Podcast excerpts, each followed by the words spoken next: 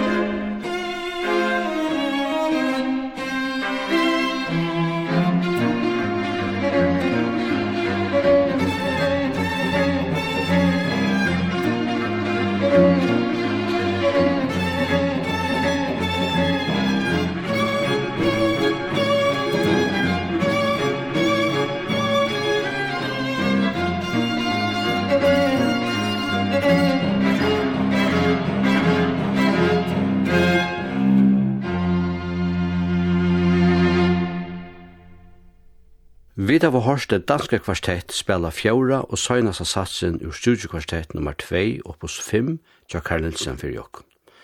Som tøvnasmyr er Karl Nilsen særstekker at han hatt at han kanska som ungen annar hever mekna begi a skriva einfaldar folkslige sanger og lø samstundet som han hever skriva symfoniskan tøvnløg av særehøvnstøy. Nei var nekar annar tøvnasmyr hever skriva sånne lø som atler hans er landsmenn doa og kjenna, helst utan at har vita kvør og hever skriva, og samtøyes at hever skriva symfonier og annan orkestertønløg som hever rotje lengt ut i vujover og verur spaltur atlastan. Vi fer her at høyra nøkker dømi om det. Fyrst høyra vi kjenda sangen Jens Weimann, vi byrjunarreglene Hvem sitter der bak skærmen? Det er Jeppi Åker og levde fra 1836 til 1930 og hever skriva hese ystingina i 1905. Og så igjen hever Karl Nilsen gjørs le til teksten 2 år 17 i 1906. Vi tverre her at høyre eikjente røddena tja Axel Schütz. Hvem sidder der på skærmen med klude om sin hånd? med læderlap for øjet og om sin sko et bånd. Det er som enjens vejman, der af sin sur nød med hamren må forvandle de hårde sten til brød. Og vågner du en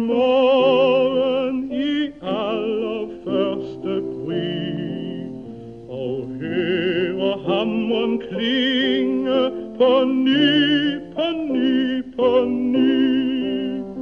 Det er som en jens vejmand på sine gamle ben, som hugger vilde gnister av morgen våre sten. Og ære du til staden, der bondens fide spann. Og møder du in alting Hvis øjne står i vand Det er som menjens vejmand Med halm om ben og knæ der næppe ved at finne mod frosten mere et læg.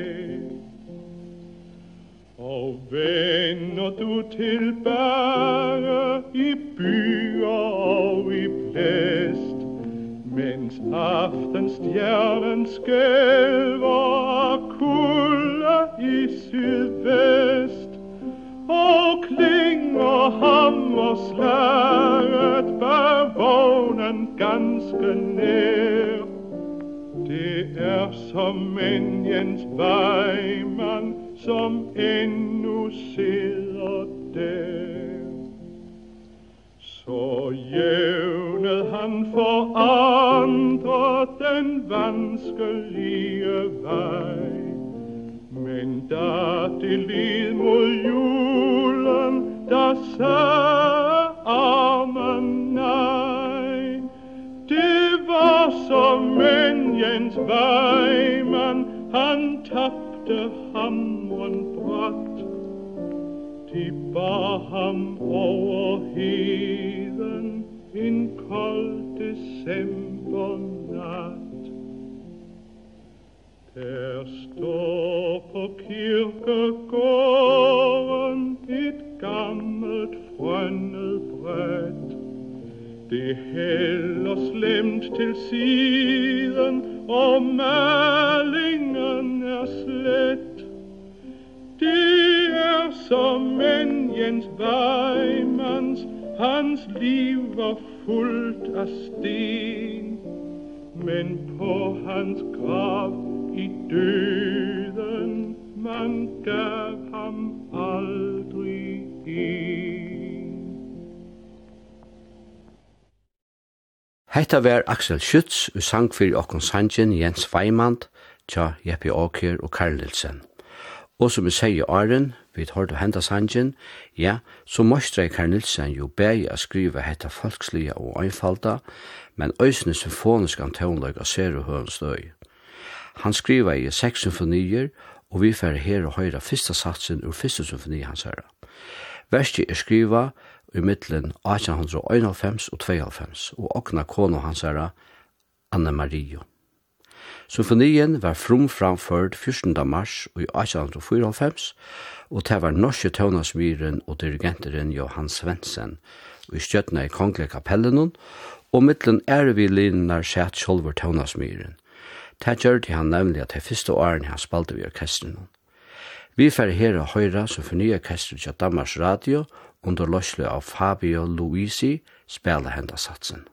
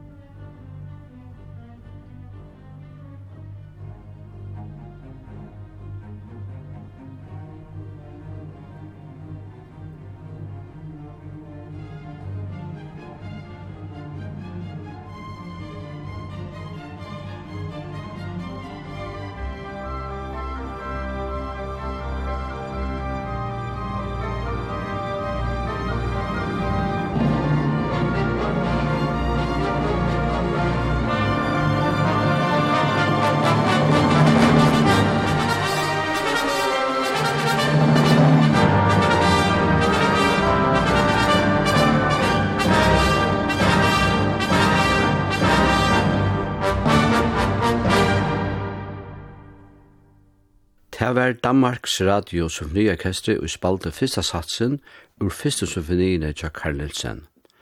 Som jeg sier over, så skriver jeg Karl Nielsen lø som ivalest kvarsmannsbaten i landen han kjenner.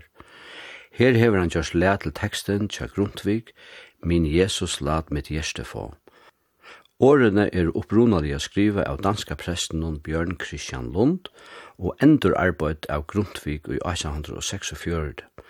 Leie er fra 1914, Vi høyre her kåre musika fikta under løslo av Bo Holten Sintja.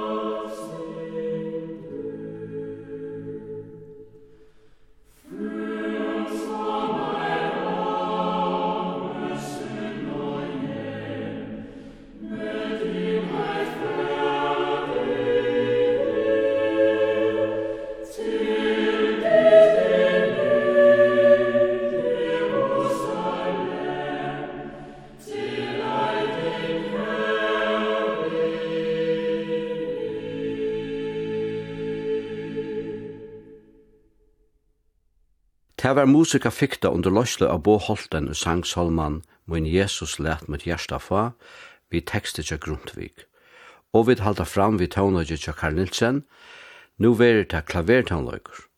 Hevast hans er at tånløyger for klaver ikkje er så nekver i veve som annar tånløyger, så ligger nekka etter fra hans er hånd.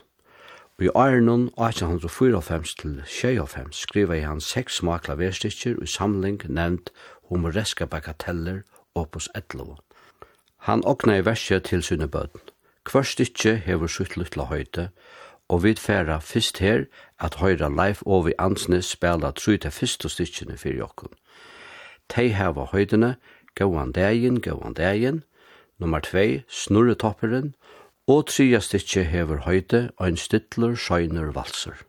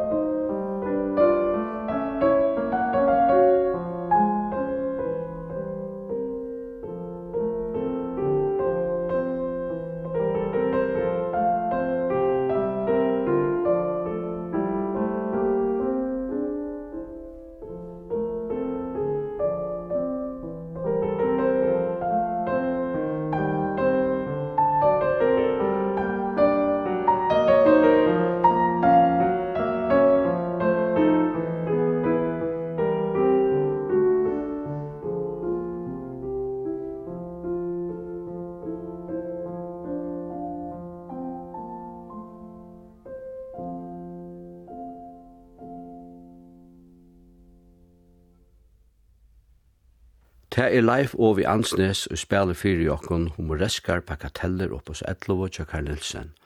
Og han heldur fram vid Trimund Taimund Sust og Smav og Stitchinon, nummer 4 hever høyde Sprellemavren, og sujan er det Dukkomarsjur, og til søgnast er det Speleverstje.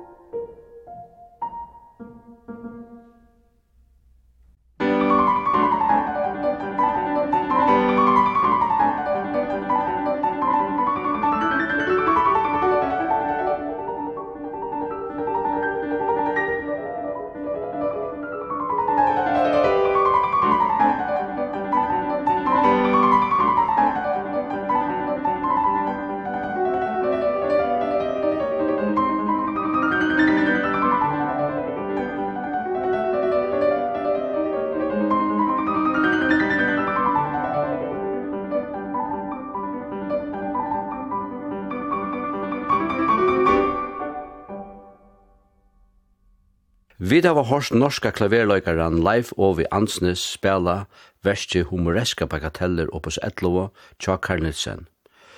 Så gjerne ferdig jeg spela fyrtik og nokså kjenta verste her heima tja okkon, som Karnitsen var byen om a skriva til et særligt høve, en av vidjan ur fyrjun ui Nujander og Tjejitjo. Verste fekk høyte en fantasireise til ferøverne, og var frumfram først 22. november ui Nujander og og det var komponisteren sjolvor og skjøtna i orkestren.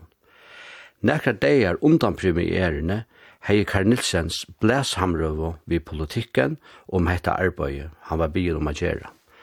Han sier med den anna, hetta er bæra holdt einfalt et arbeid og et dømi om håndversk om du vilt. Men jeg har vært personlig glæver for at arbeid vi hesson og i halte at jeg ferdig ljøa vel.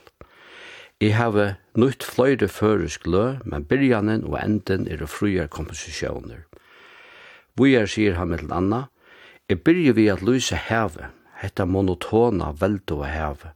Det er stilt, men jeg halte at det er just ta i heve er stiltlast, at du best mersker tess øylig og dypt. Av feriene høyra vi et knapplega fuglaskruts som fer okna at halda at vi narskast lande. Men her er mjørstje og antja suttja og så høyrer vi fløyre fuklar, og landet kommer i eksjon. Tånløykeren vekser i styrke, og vi høyrer leie som vi nå kjenner som freier funn og ferjaland. Og vi er, sier Karl Nilsen, at utan ekra særlige ivegongt seti et han ferande mitt og eina gildesmåltøy vi sanje og danse, og her er det at fører seg danseren kommer inn. Så vitt Karl Nilsen, leslige ur avvisende politikken og i 1922. Nu kunne til lusta og vita hva til få av borstrur. Her er da Odense Sofriakester under løslo av Edvard Zero og vi fyrir a spela en fantasireise til ferøerne.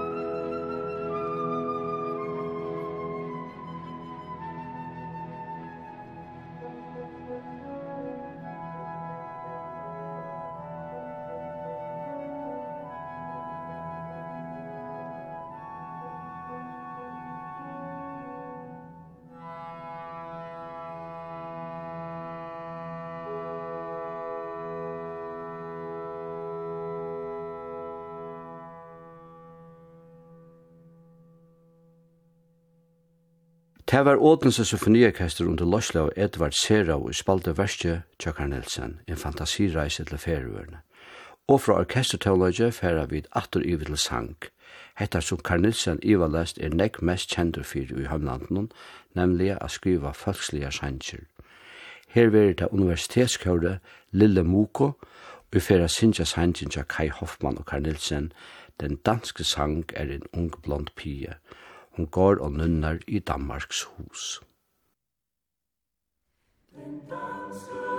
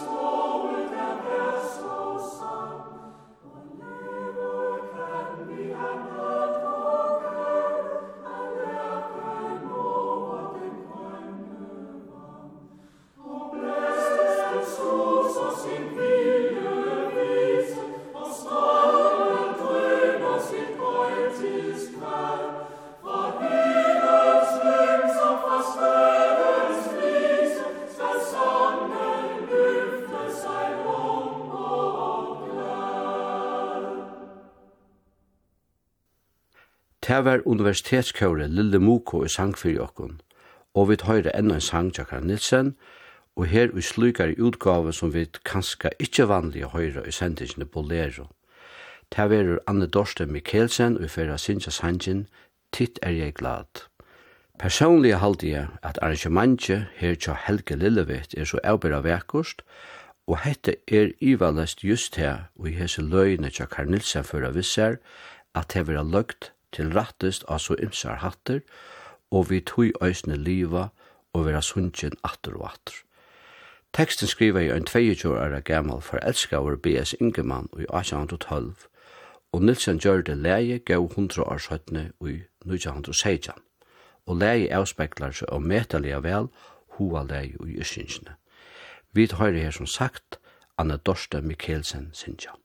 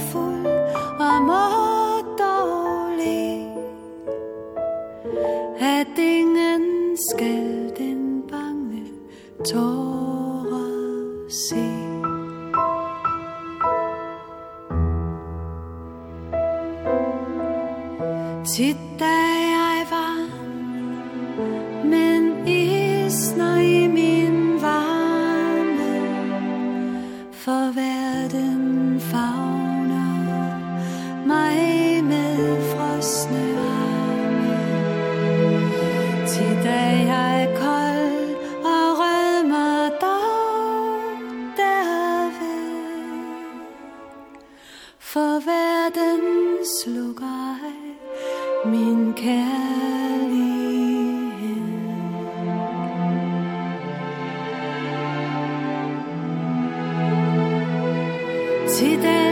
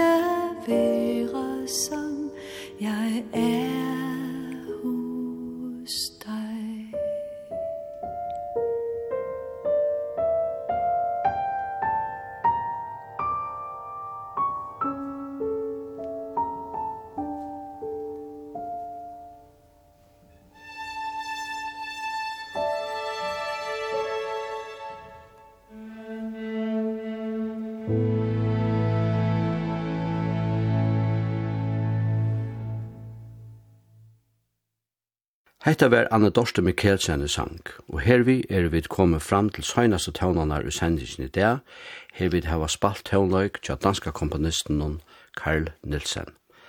Og vi enda nekka såløy som vi byrja av, vi klaver tøvnløyke, og høyra ta fyrsta stikje ur versjonen, fem stikje fyrir klaver opus trui. Hetta stikje hever høyde, falkanlega. Det er Atter, Leif og vi Ansnes og spiller. Om du ikke har lyst til atter etter hese sendisene, så vil hun endursend i anna kvöld, manna kvöld til klokkan 22. Det bør øsne til at høyra sendisene av netten akkurat hva du vilt.